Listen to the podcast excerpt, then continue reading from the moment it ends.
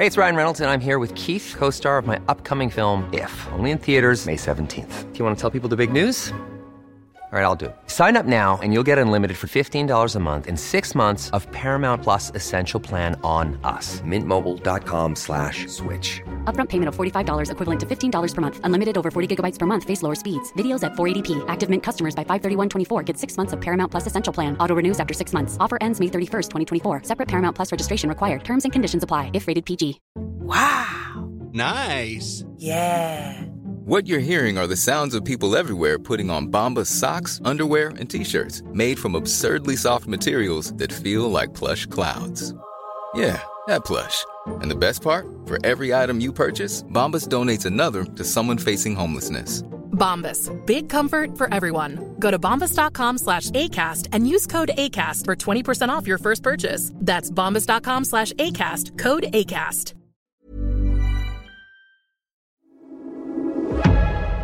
Du lyssnar på GVS ljudböcker.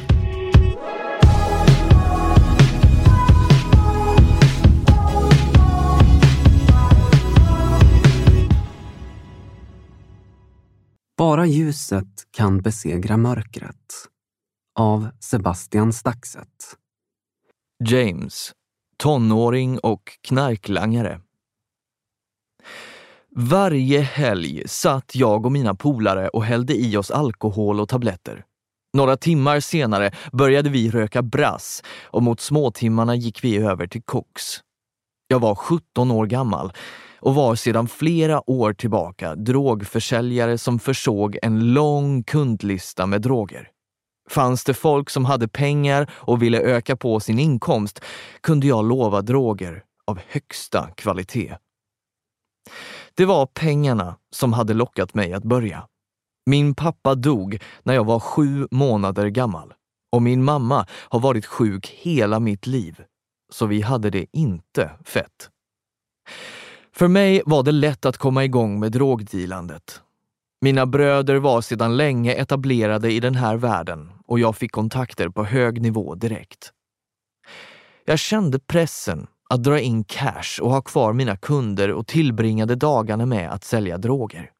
På nätterna satt jag och chillade med mina vänner.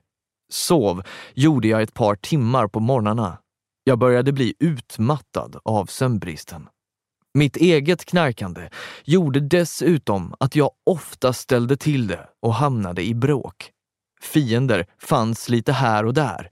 Vissa hade uniform, andra inte. Det stressade mig att ständigt ha hotet över mig att hamna på LVU-hem, behandlingshem för unga. Om det hände skulle jag ta livet av mig, det var jag säker på. Det räckte egentligen att åka dit för en sak till, så skulle det vara kört. Jag kom på att jag kunde lura systemet när det gällde mitt knarkande. Om jag tog droger i två dagar var jag ändå ren veckan därpå när jag skulle testas. Trots allt jag varit inblandad i har jag bara blivit dömd en gång. Det gällde misshandel och försök till utpressning. Självklart har jag också fått min beskärda del av stryk, har svimmat rätt många gånger. Men jag hade ingen aning om att jag snart skulle vara med om en knockout som skulle få enorma konsekvenser för mitt framtida liv. När jag ser tillbaka på mina snart 18 år är det faktiskt inte mina år med droger som är den mörkaste tiden, utan min barndom. Första gången jag var nära att dö, förutom när jag föddes, var jag sex år gammal. Jag hamnade under isen, men hade som man brukar säga änglavakt och blev räddad. Två år senare blev jag utsatt för övergrepp. Personen dömdes aldrig och jag kände mig sviken, även av samhället. Jag fick gå i terapi och fortsatte med det i nio år. Kom samtalet i närheten av den ömma punkten markerade jag tydligt att vi kommit in på förbjudet område. Under två år satt jag ofta och bara grät och grät i skolan. Mina tårar borde väl ha talat ett tydligt språk, men lärarna verkade inte bry sig. Kunde få en klapp på axeln emellanåt, men det var allt. Snacka om att känna sig sviken av vuxenvärlden. När jag gick i sjuan bestämde jag mig för att det fick vara nog. Jag orkade inte fortsätta. Med kroppen full av adrenalin kramade jag kniven hårt i min hand och tryckte den mot halsen. Jag darrade. Det var en surrealistisk upplevelse. Jag tryckte allt vad jag orkade, men min arm rörde sig inte. Rätt som det var såg jag en syn av något slag. Mitt framför mig såg jag ett vackert papper och text skriven på det. Jag började läsa och minns att det stod något i stil med Du kan välja att ta livet av dig, men dina problem inombords kommer bara att föras vidare till andra. Eller så kan du stanna kvar och göra något vettigt och hjälpa människor. Upplevelsen fick mig att tänka till och avsluta mitt försök att ta livet av mig. Så kom drogerna in i mitt liv. Jag var 14 år när jag och några kompisar satt på en lekplats och rökte våra första jointar. Röken steg och vi blev höga till tonerna av kartellen som strömmade ut genom en högtalare. Mellan blossen sjöng vi med i gangstermusiken. Nu hade det gått några år och allt hade eskalerat. Jag skulle snart bli ordentligt knockad. Utan att egentligen ha planerat det hamnade jag på Gullbrannagården och en konsert med Sebbe. Temat på konserten 19.00 var Vägen till frihet. Budskapet i sångerna och det han sa kändes äkta och gjorde intryck. Jag kom fram i slutet av mötet när Sebbe med team bad för människor. Jag blev starkt berörd och grät massor. Det kändes som om det brann en eld i hela bröstet och som om det var en tryckvåg på insidan. Tre timmar senare skulle det vara en till konsert. Det kan inte vara sant, det jag varit med om, tänkte jag och började ifrågasätta det jag nyss upplevt.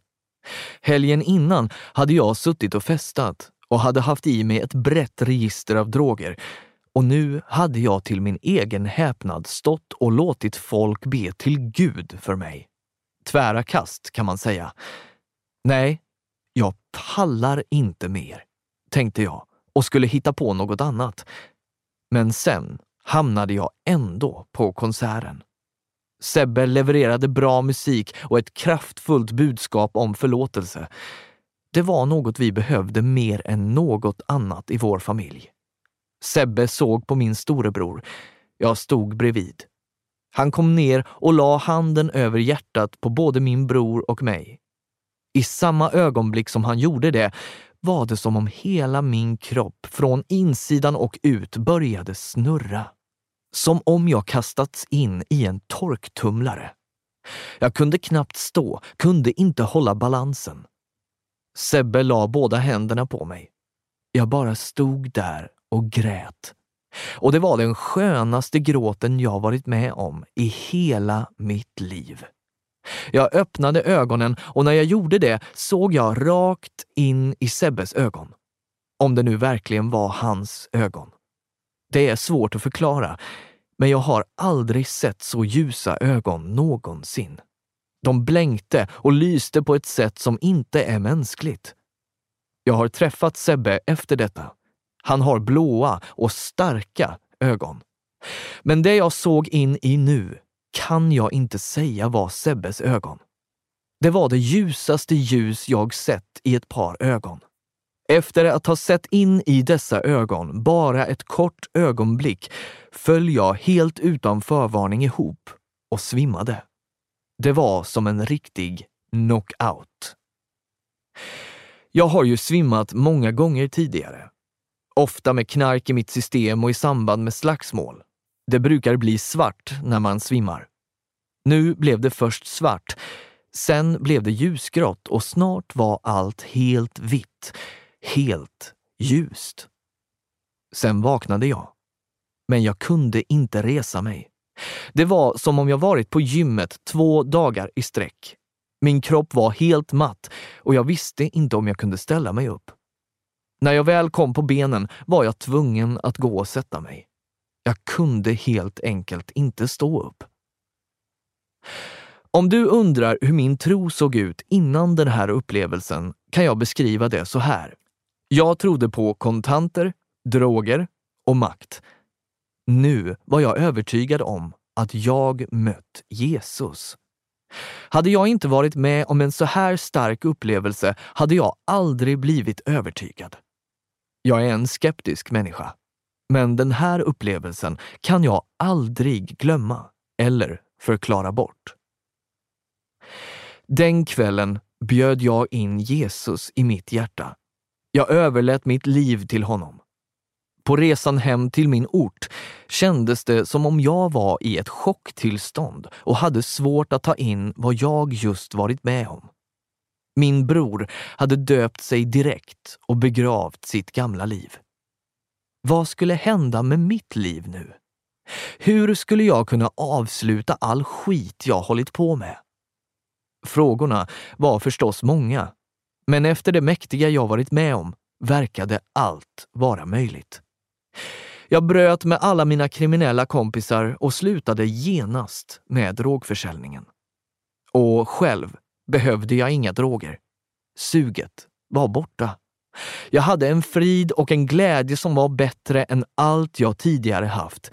Det var mycket nytt att anpassa sig efter. Jag gick från att tjäna 40 000 kronor i månaden skattefritt till att få studiebidrag på runt en tusenlapp. Men friden jag kände var värd mer än guld. September 2017, månaden efter att jag blev knockad av Gud, skulle det vara rättegång. Den lades ner. Jag hade skött mig exemplariskt tiden innan. Människor i min omgivning och myndigheter var förvånade över vad som hänt. Vissa hade svårt att tro. De som tvivlade mest på att jag blivit frälst var socialen. Men till slut förstod även de att jag blivit frälst på riktigt. Nyheten om min omvändelse nådde polismästaren i vår stad och han skickade vidare ett tack till Sebbe för att jag blivit omvänd. Jag antar att det känns hoppfullt för en polis när någon lämnar den kriminella världen. Han vet ju också att jag känner många kriminella och att jag fått flera intresserade av att gå till kyrkan. När jag döptes för ett tag sedan sa jag att en dålig dag nu är bättre än hur en bra dag var då. En bra dag då kunde vara bra, men inombords var det ändå inte bra. Det jag gjorde var att sätta på mig en mask. Jag spelade och såg glad ut. Nu är jag glad, även om jag mår dåligt. När jag skrattar idag är det för att jag är glad på riktigt. Det är som Sebbe sjunger. Om jag talar alla språk i världen, men inte hade dig, vad vore skratt utan glädje? Vad vore jag utan dig? Om jag så lyckades med allt i världen, men inte hade dig, kan du kasta de där cashen. Betyder ingenting för mig. Idag har jag allt som man inte kan köpa för pengar. Och det är värt så mycket mer. Det är det som räknas. Som kriminell brukade jag bli tagen av samma polis gång efter gång. Efter att jag blivit frälst kände jag att jag ville prata med honom och berätta vad som hänt i mitt liv. Han hade uppenbarligen haft rätt lätt för att få tag på mig med tanke på alla gripanden. Men hur skulle jag få tag på honom? Någon kom på den briljanta idén att ringa 114 14. De hjälpte mig så att jag fick prata med honom. Det blev ett samtal på nästan en halvtimme. Polismannen blev jätteglad över att jag ringde. Han hade varit inställd på att fortsätta träffa, läs gripa, mig många gånger. Det här måste jag berätta för min kollega, utbrast han. Hoppas vi träffas igen, fast av rätt anledning, sa han i slutet av vårt samtal. Polismannen har mitt nummer och jag ser fram emot nästa gång vi hörs eller träffas. För ett år sedan sålde jag mer droger än jag någonsin gjort. Folk ser min förvandling och ser upp till mig och tycker att jag är stark. Den styrkan kommer från min tro. När jag träffade några gamla klasskamrater och berättade att jag blivit frälst sa de om någon skulle bli frälst skulle det inte vara du. Och visst, det var osannolikt att jag skulle bli frälst.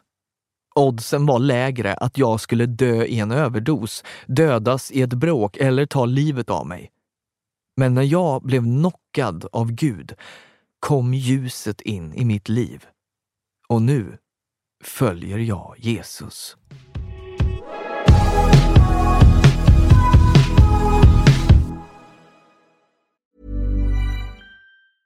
Ryan Reynolds here from Mint Mobile. With the price of just about everything going up during inflation, we thought we'd bring our prices down. So to help us, we brought in a reverse auctioneer, which is apparently a thing.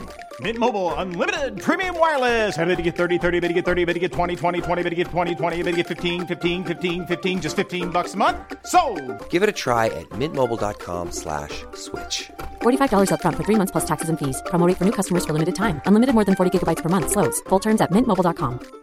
Even on a budget, quality is non-negotiable. That's why Quince is the place to score high-end essentials at 50 to 80% less than similar brands. Get your hands on buttery soft cashmere sweaters from just 60 bucks, Italian leather jackets, and so much more.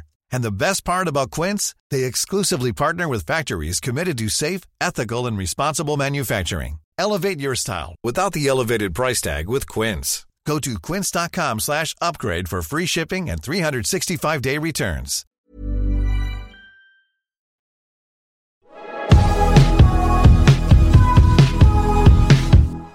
Kapitel 8 Djävulen på sjunde våningen Jag tittade ut genom köksfönstret med ett litet leende. Jag hade haft en fin tid sedan min befrielse. Äntligen kändes det som om jag var på rätt väg. Jag kände att jag hade kontakt med Gud när jag bad. Jag upplevde hur Isabellas och min relation blev starkare och hur hon sakta började lita på mig igen. Det var en enorm lättnad. Barnen verkade tryggare också när de var hemma hos oss. Alkoholsuget lyste med sin frånvaro. Livet såg ljust ut. Jag eh, tänkte på visionen jag sett under lägret vi hade haft i Gnesta. Jag hade mött Gud jättestarkt där. Jag fick under bönen efter undervisningen se i en syn ett Friends Arena som var helt fullt av tusentals människor som samlats för att prisa Jesus. Det var den första visionen Gud visade mig. Jag såg även pastor Hernan på scenen. Jag såg Sveriges flagga vecklas ut över scenen. Det gula korset i flaggan lyste. Det var en rätt osannolik syn i världens mest sekulariserade land. Men jag såg den. Mina pastorer såg den också. Och vi trodde på den. Där satt vi, ett gäng latinos och en nedbruten rappare och proklamerade att vi minsann skulle se Jesus namn ropas ut över Friends Arena. Sen tog vi varandra i armkrok och började marschera runt i rummet. Det måste ha sett helt sjukt ut. Vi fick också ett ord från himlen som jag skrev över hela whiteboardtavlan. Förlåt. Vi upplevde starkt att ordet förlåt hade med synen på Friends Arena att göra. Jag slog bort alla tankar på problemen jag haft under nattklubbsturnén. Det skulle säkert lösa sig. Jag behövde bara bli lite mognare och lära mig prioritera och balansera bättre. Jag skulle fixa att vara nykter. Lite disciplin var allt som krävdes.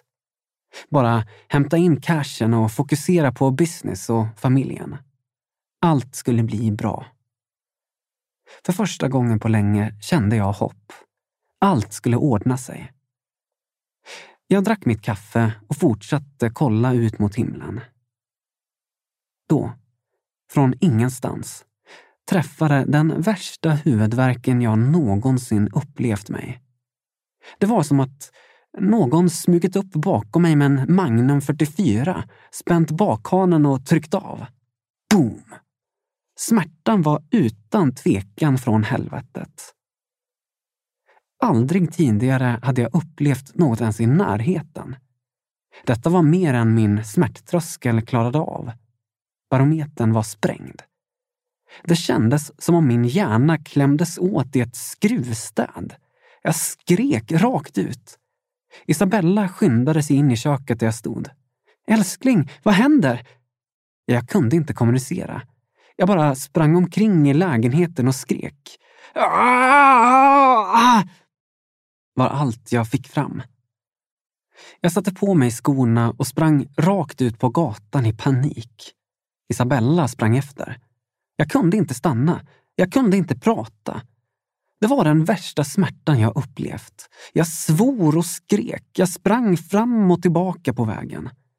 Isabella ropade. Älskling, stanna! Vi åker till pastorn. Han kan be.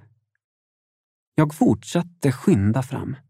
Är du sjuk eller? Jag behöver inte en pastor. Jag behöver en doktor. Det här är ingen böngrej, Isabella. Det här gör så ont! Ah! Skrek jag. Min tro räckte inte långt. Jag upptäckte hur svårt det var att lita på Gud när man drabbas av fysisk smärta. Jag kunde inte tänka. Alla mina instinkter skrek efter ett sjukhus. Jag ringde en taxi. När taxin kom fortsatte Isabella tjata om pastorn. Jag lackade ur och bad henne kliva ur bilen. Det här är inget andligt. Jag behöver en läkare, inte en bön. Ropade jag och slängde igen dörren. Sen åkte jag till Södersjukhuset. Jag sprang in på akuten och när läkarna såg mitt tillstånd fick jag gå före alla andra i den långa kön och placerades i en sjukhussäng där jag låg och vred mig och skrek. Vita rockar kom ut och in och undersökte mig där jag låg på en gul filt. Samma gula filt igen. Ingen av läkarna kunde hitta vad felet med mig var. Så de beslöt sig för att skicka in mig i en magnetkamera. Det surrade när jag rullades in i det statiska magnetfältet för att kameran skulle ta bilder på min hjärna. Men läkarna blev inte klokare av bilderna. Det visade inte på något som kunde förklara helvetessmärtan. Då kom en sjuksköterska in med en liten vit plastmugg med ett par tabletter. Ta det här så mår du bättre. Jag hade hört samma replik så många efterfester. Jag svalde dem utan att tveka. Vad som helst för att slippa denna smärta. 30 minuter senare vaggades jag långsamt in i ett skönt rus. Jag började må bra där inne på akuten. Jag kände mig hög och smärtan började avta. Känslan var skön. Läkarna talade med mig vänligt och förklarade att det var nog Cytodonen som hade börjat verka. Vad skönt, sa det. Sen gav de mig ett recept att hämta ut på apoteket. Jag blev ordinerad att äta två tabletter var tredje timme. Någonstans i bakhuvudet så mindes jag att Citodon var en drog som exploderat ute i Sverige. Jag hade själv sett folk poppa dessa tabletter överallt. Jag kände en kille som drog en motorcykel genom rutan på ett apotek nattetid bara för att komma åt dem. Citodon innehåller kodein och är mycket beroendeframkallande. Jag visste folk som festade på tre, fyra tabletter. Jag hade precis blivit ordinerad att äta 16 tabletter per dygn i tio dagar för att bota en sjukdom som de inte ens hade hittat och lindra en åkomma läkarna inte ens kunde säga att jag hade. Isabella protesterade högljutt. Fattar du inte att det här är djävulen, Sebbe? sa hon. Hon hade själv jobbat tolv år inom vården och aldrig någonsin hört någon ordineras en så hög dos. Det är farligt! Fattar du inte det? Jag stängde av öronen. Fröken Farmacia gjorde sitt. Jag tror läkarna vet mer än dig, älskling, sa jag och pressade ut två tabletter ur foliehöljet. Knappt en vecka senare beställde jag en stor stark på min lokala pizzeria i väntan på en kokainleverans. Efter några veckors återfall tröttnade jag på mig själv och åkte till Hernan för att be om hjälp. Vi bad och bröt allt mörker. Bror, du är bunden av mycket mörker. Bara Jesus kan göra dig fri. Sa han med en blandning av övertygelse och kärlek. Han såg mer och mer bekymrad ut för varje gång jag såg honom. Vad visste han som inte jag visste? Pastor Bosse sa till mig att så länge jag hade en fot på gatan och en hos Jesus så skulle jag fortsätta trilla ner i diket gång på gång. Pastor Louise och jag kom fram till att Jesus ville ge Sebastian Staxet ett nytt liv, inte Sebbe Stax. Jag tackade Gud för mina pastorers tålamod. Jag visste att jag behövde lämna gruppen för att bli fri. Jag måste lämna gatan. Om jag fortsatte göra samma saker gång på gång skulle jag alltid uppnå samma resultat. Jag måste bort från mörkret. Men jag vågade inte ta steget fullt ut. Det var som om jag blivit frälst halvt om halvt. Ena stunden var jag Sebbe Stax. Andra stunden Sebastian Staxet. Det var minst sagt en psykosframkallande tillvaro. Jag kände mig jagad av djävulen. En dag när jag kämpade för att hålla mig drogfri och satt i hallen och bad öppnades plötsligt brevinkastet och ett brev skickades in och landade bredvid mig där jag satt på golvet. Jag lyfte på det, öppnade och frös till is av obehag när jag läste vad som stod. Det var från Södersjukhuset. Jag blev informerad om att jag hade ordinerats ett nytt recept med ännu mer Citodon. Samma sjuka dos som tidigare. Jag var välkommen att hämta ut den vid närmaste apotek. Jag hade ett apotek bara några hundra meter bort från mitt hem. Brottningsmatchen i sinnet började. Sen insåg jag något som gjorde mig rädd på riktigt. Jag var inte skriven på adressen där jag befann mig. Och jag hade inte fått ett enda brev skickat till den adressen. All min post kom till adressen där jag stod skriven. Sjukhusräkningen från besöket på Södersjukhuset hade kommit till den vanliga adressen. Men receptet landade bredvid mina fötter på den adress där jag aldrig tidigare fått post. Som en liten hälsning från helvetet. Jag kollade på klockan. Väntade på att den skulle slå tio. Systembolaget öppnade tio. Startsignalen på mitt helvetesmaraton skulle smälla av tio. Isabella kände på sig vad som väntade.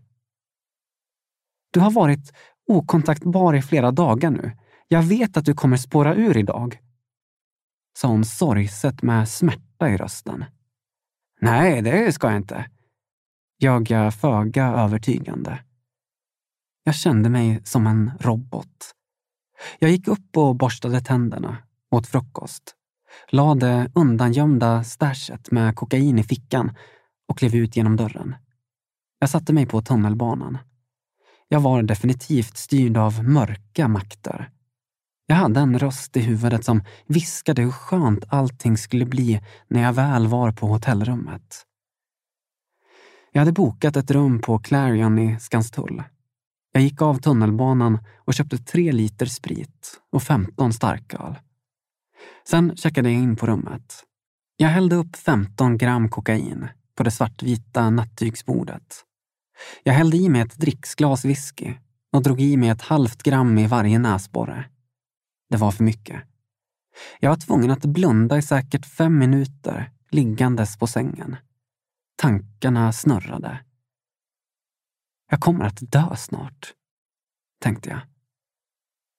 Sex timmar senare var jag helt förstörd. Jag låg och fyllde mig med allt det smutsigaste som internet har att erbjuda.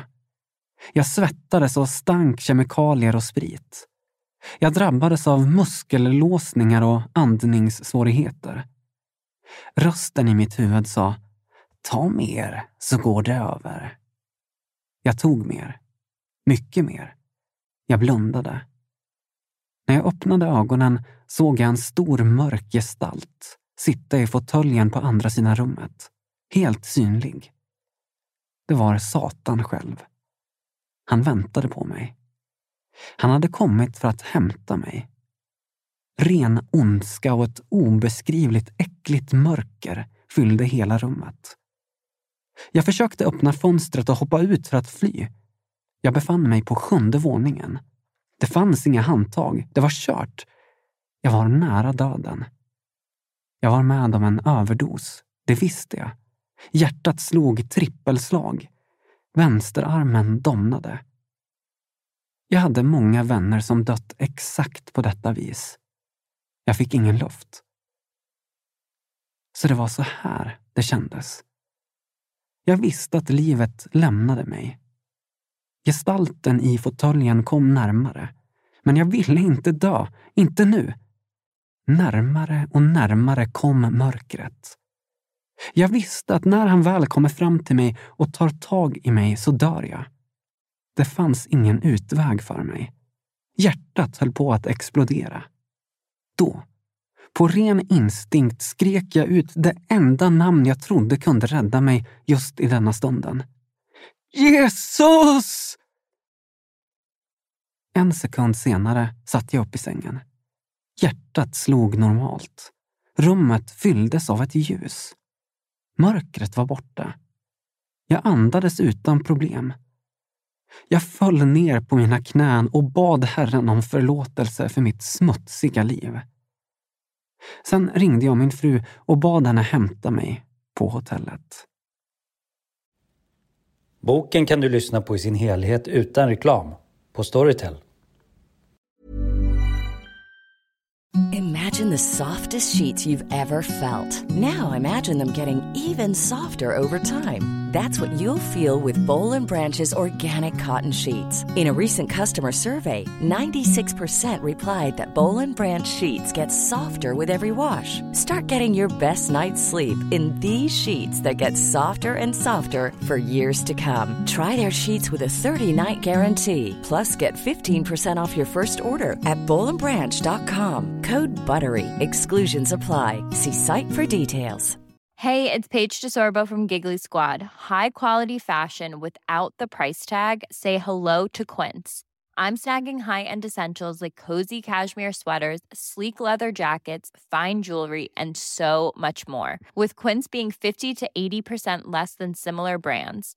And they partner with factories that prioritize safe, ethical, and responsible manufacturing. I love that. Luxury quality within reach. Go to quince.com slash style to get free shipping and 365 day returns on your next order. Quince.com slash style.